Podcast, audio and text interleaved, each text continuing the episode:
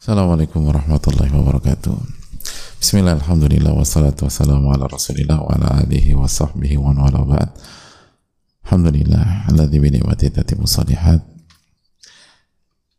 Alhamdulillah, alladhi nahmaduhu wa nasta'inuhu wa nastaghfiruh.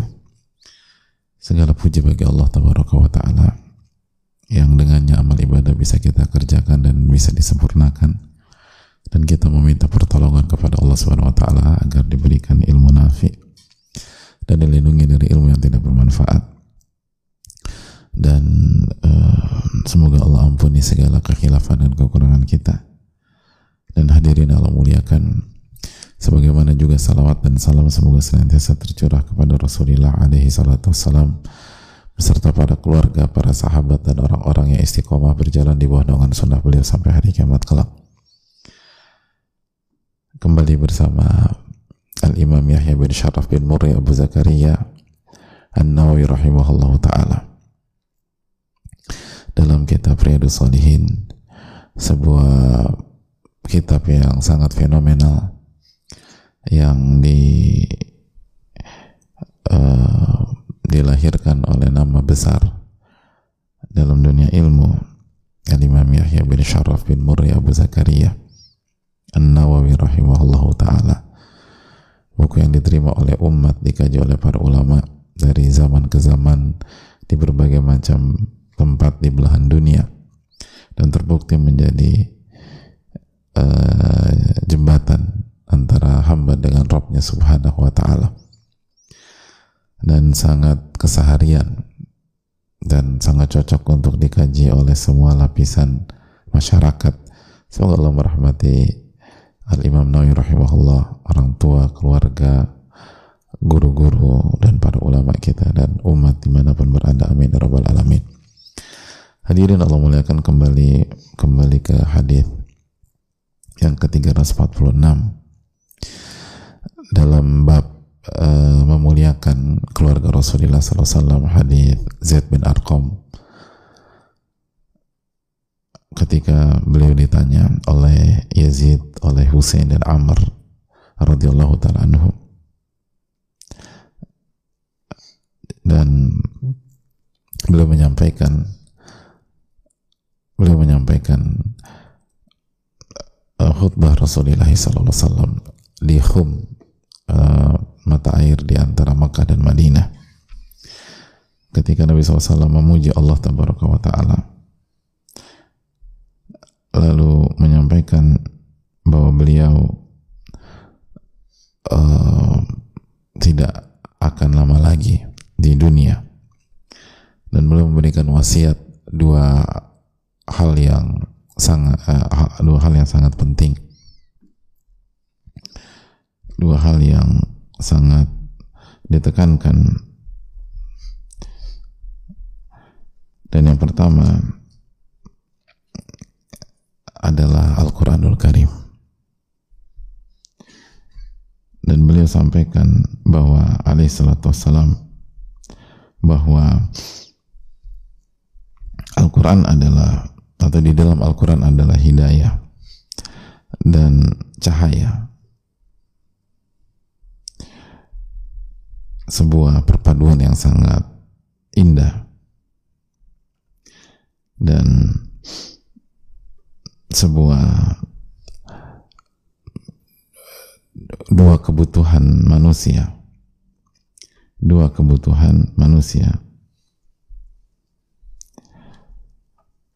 Kita semua butuh hidayah dan semua kita butuh cahaya. Dan hadirin Allah muliakan. Dan itu semua terdapat di dalam Al-Quranul Karim itu semua terdapat di dalam Al-Quranul Karim.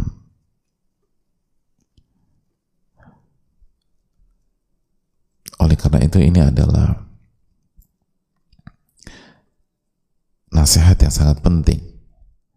Makanya Nabi kita SAW dijelaskan oleh uh, Zaid bin Arqam, beliau apa mendorong umat dan menganjurkan untuk berinteraksi dengan Al-Quran. dan berinteraksi dengan Al-Quran bukan hanya membaca.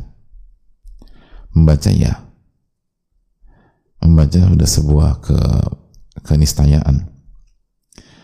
Namun kalau kita ingin mendapatkan hidayah dan cahaya yang ada dalam Al-Quran maka kita harus melakukan lebih dari itu. Ada seseorang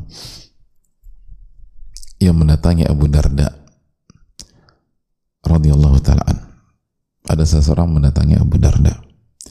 Dan orang ini datang dengan membawa anaknya. Lalu orang ini mengatakan ya Abu Darda wahai Abu Darda Inna ibni hadha jama' al-Quran aitalahu wa hafidhah. Sesungguhnya anakku ini telah mengumpulkan Al-Quran di dalam dirinya. Maksudnya anakku ini senantiasa membaca Al-Quran dan menghafal Al-Quran. Jadi anakku ini kalau bahasa kita bacaannya bagus dan hafalannya Masya Allah gitu. Hadirin Allah muliakan. Kalau ada orang datang ke kita dan mengatakan bahwa anaknya bacaannya bagus dan membacanya bagus dan anaknya itu telah menghafal Al-Quran kira-kira respon kita seperti apa hadirin? Nggak ada respon sama sekali. Ya Allah se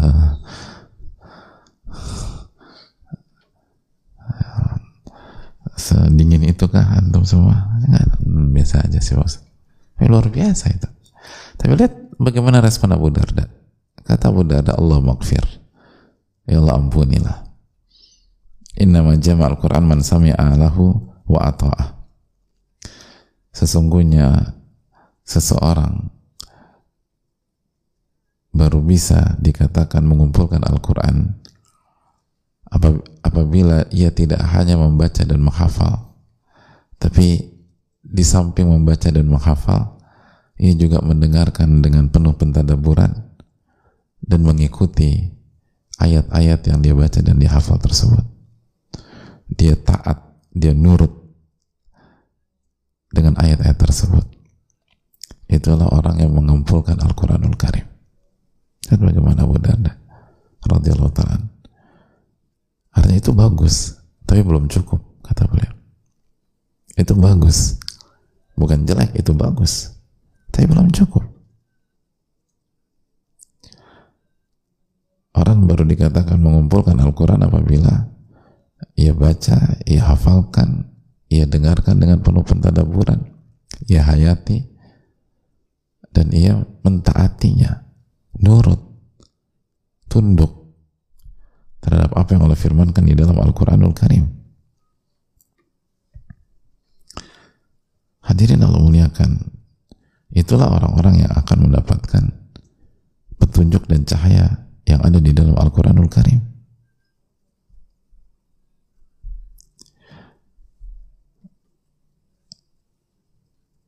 Jadi makanya kan Al Hasan Al Basri pernah mengatakan, ilzamu kitab Allah. Bersama apa uh, hiduplah bersama Al Quranul Karim. Senantiasa dekat dengan Al Quranul Karim. Bersamai Al Quranul Karim. Ilzamu kitab Allah. Wa ma fihi minal amthal. Dan ikutilah dan ikutilah permisalan-permisalan yang ada di dalam Al-Quran. Wa kunu fihi min ahlil basar. Dan jadilah orang yang membaca Al-Quran dengan dengan mata uh, dua mata dan mata hati. Lalu diamalkan. Lalu beliau mengatakan rahimallahu abdan. Semoga Allah merahmati seorang hamba amal nafsahu wa amalahu ala kitabillah yang hidupnya senantiasa mencocokkan dirinya dan aktivitasnya dengan apa yang ada di dalam Al-Quranul Karim. Fa'in wafaqa kitabullah hamidallah wa sa'alahu ziyadah. Dan kalau ternyata dirinya dan aktivitasnya sesuai dengan Al-Quranul Karim, maka dia akan memuji Allah Subhanahu wa taala dan dia meminta agar nikmat itu ditambah. Wa in khalafa kitabullah. Dan apabila ternyata tidak sesuai dengan yang ada di dalam Al-Quran, ataba nafsahu wa raja'a min qarib. Lalu dia langsung mengkoreksi dirinya. Dia langsung menegur dirinya sendiri. Lalu dia langsung kembali kepada Al-Quran. Dia koreksi dan dia kembali kepada apa yang Allah firmankan di dalam Al-Quranul Karim itu akan dirahmati oleh Allah kata para ulama jadi Allah merahmati seseorang yang senantiasa uh, senantiasa menilai dirinya dan aktivitasnya dengan konsep yang ada di dalam Al-Quranul Karim. Jadi gerak-gerik, sikap, pola pikir, langkah itu selalu dia sesuai nggak ya sikap saya dengan apa yang ada dalam Al-Quran? Sesuai tidak ya eh, keputusan-keputusan saya dengan apa yang ada di dalam Al-Quran? sesuai apa tidak ya eh, langkah-langkah saya dalam hidup tidak uh, dengan apa yang ada di dalam Al-Quranul Karim dan itu dia lakukan secara terus menerus kalau ternyata sudah sesuai Alhamdulillah dia punya Allah dia bersyukur dan dia berharap agar Allah tambah tambah dekat lagi dengan Al-Quran tambah sesuai lagi tam, persentasenya tambah tinggi lagi dan ketika ada yang salah maka dia langsung mengkoreksi dirinya bukan cari pembenaran, bukan cari justifikasi, bukan cari excuse. Tapi enggak, ini saya salah. Ini keliru. Dan dia nggak nunggu orang lain. Dia langsung perbaiki dirinya. Dan dia tinggalkan sikap dia tersebut dan mengikuti apa yang Allah firmankan di dalam Al-Quranul Karim. Itulah orang yang akan berhasil dan yang dirahmati dan dicintai oleh Allah Taala. Kenapa demikian? Karena di dalam Al-Quran ada hidayah, ada petunjuk. Maka kalau tidak sesuai, maka kita keluar dari petunjuk Allah Subhanahu wa taala. Karena Al-Quran adalah cahaya. Maka kalau tidak ada apa kalau tidak sesuai, maka kita hidup di dalam kegelapan. Kita hidup di dalam kegelapan. Itu hal yang perlu kita tanamkan bersama-sama.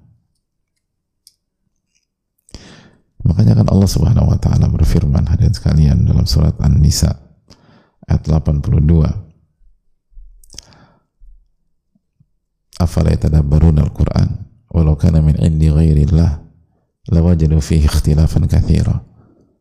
Maka mengapa mereka tidak mentadaburi Al-Qur'an? Kalau saja Al-Qur'an bukan dari sisi Allah.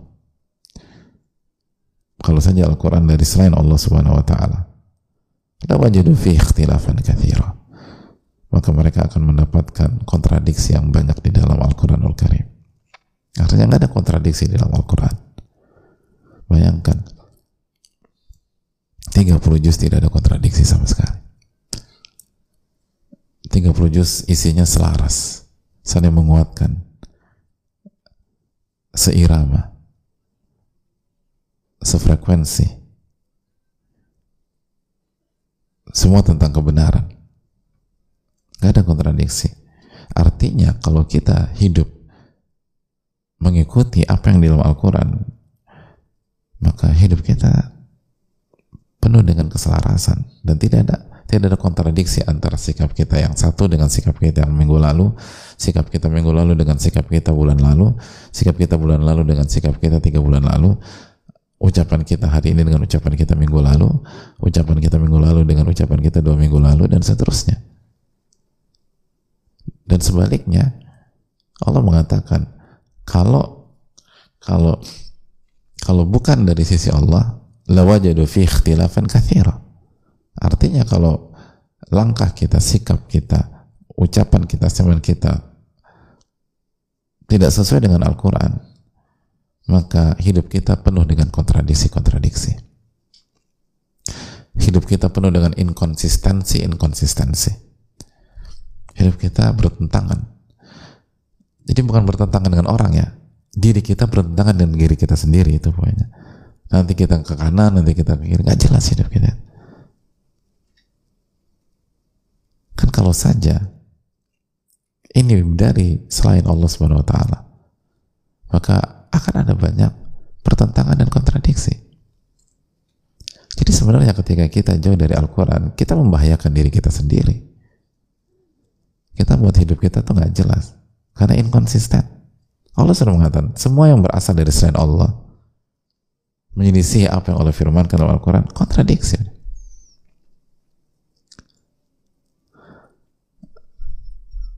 Kontradiksi. Dan itulah kalau kita renungkan ya sering kali kita begitu. Kita nggak usah ngeliat orang lain tapi sering kali. Kenapa ya? Kenapa kok waktu itu saya ke kanan hari ini saya ke kiri? Padahal secara benang merah sama aja. Ya itu tadi. Karena mood kita beda. Karena hawa nafsu kita beda.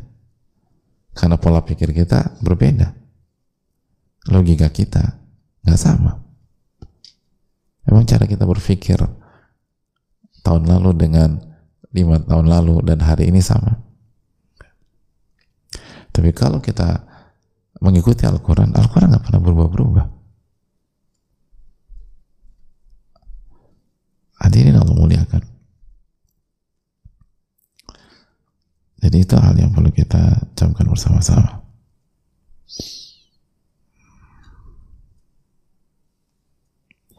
Makanya uh,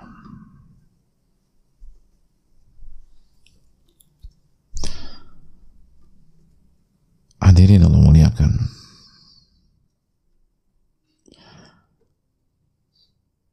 Masih ingat tidak surat Ash-Shura ayat 30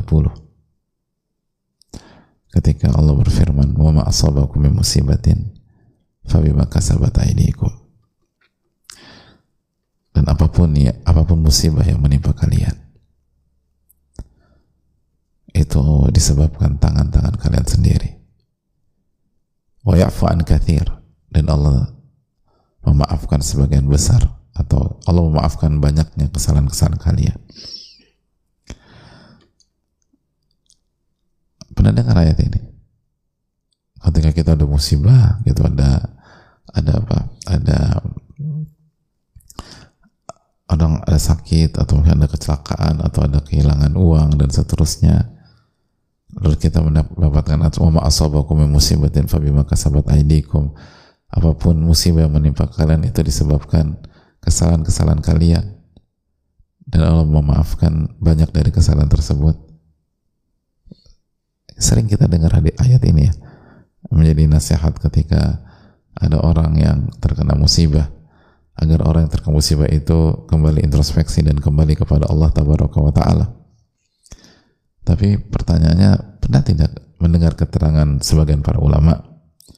Sebagaimana keterangan Ad-Dhahhak ketika beliau mengatakan dan para ulama kita juga mengatakan wa inna nisyan al-Quran min a'zam al-masaibi sesungguhnya lupa terhadap Al-Quran. Itu di antara musibah-musibah yang paling parah lupa terhadap ayat-ayat Al-Quran. Itu musibah yang sangat parah. Dan di antara musibah-musibah terbesar dalam hidup. Tapi siapa yang sadar bahwa ini adalah musibah-musibah besar? Ataukah kita termasuk orang-orang yang hanya berpikir musibah itu hanya berkaitan dengan materi Musibah itu hanya berkaitan dengan uang. Musibah itu hanya berkaitan dengan kesehatan. Sedangkan pada saat kita lupa dengan Al-Quran, itu tidak masuk ke dalam kategori musibah. Itu hanya formalitas dan hal biasa dalam hidup. Ini namanya juga hidup lupa. Hadirin Allah muliakan. Musibah? Ya karena Anda kehilangan cahaya dalam hidup. Apa itu bukan musibah? Anda berjalan dan Anda lupa petunjuknya. Apa itu bukan musibah? Gitu. Hidup ini jalan terus ke depan dan kita nggak pernah tahu apa yang akan terjadi esok, apa yang akan terjadi lusa, apa yang akan terjadi tiga hari yang akan datang lalu anda lupakan petunjuk dan dan arahan untuk menghadapi hari esok lusa dan uh, tiga hari yang akan datang. Atau hari ini lah siapa yang bisa menerka apa yang terjadi nanti duha atau nanti siang? Dan kita belum pernah belum pernah berada di nanti jam 12 kecuali hari ini kalau lokasi kehidupan kita berada jam 12 ya, ada, ya simpel aja deh. Kita belum pernah ke sebuah tempat atau kita belum pernah berada di sebuah kondisi. Terus kita dikasih map untuk untuk tempat tersebut. Eh mapnya kita lupain. Kita buang. Atau kita nggak pakai. Dan kita nggak pernah ke sana sebelumnya. Nggak pernah. Ya itu kan masalah besar hadirin kecuali kalau kita udah bolak-balik ke sana. Masih perlu map lagi nggak? Nggak perlu lah. Masih perlu peta lagi? Nggak perlu. Kenapa? Tiap hari ini ini rute saya tiap hari. Tapi jalan yang anda nggak pernah lewati. Anda butuh map anda butuh petunjuk anda butuh clue. Kalau anda tinggalkan map tersebut akan ada masalah besar dalam perjalanan itu hari ini adalah hari yang baru dalam hidup kita. Kita nggak pernah ngelewatin hari ini kecuali hari ini. Seumur hidup kita, kita nggak pernah lewatin hari seperti hari ini. Kalau lo kasih umur, lalu kita bangun esok hari, esok hari adalah hari yang baru. Kita nggak pernah lewati hari esok kecuali ya besok. Nggak ada mesin waktu hadirin. Lalu kita tinggalkan petunjuk tersebut. Dan kita berjalan di tengah-tengah kegelapan dan tanpa cahaya itu masa musibah yang sangat besar. Musibah yang sangat besar adalah ketika orang jauh dari Al-Quran itu musibah.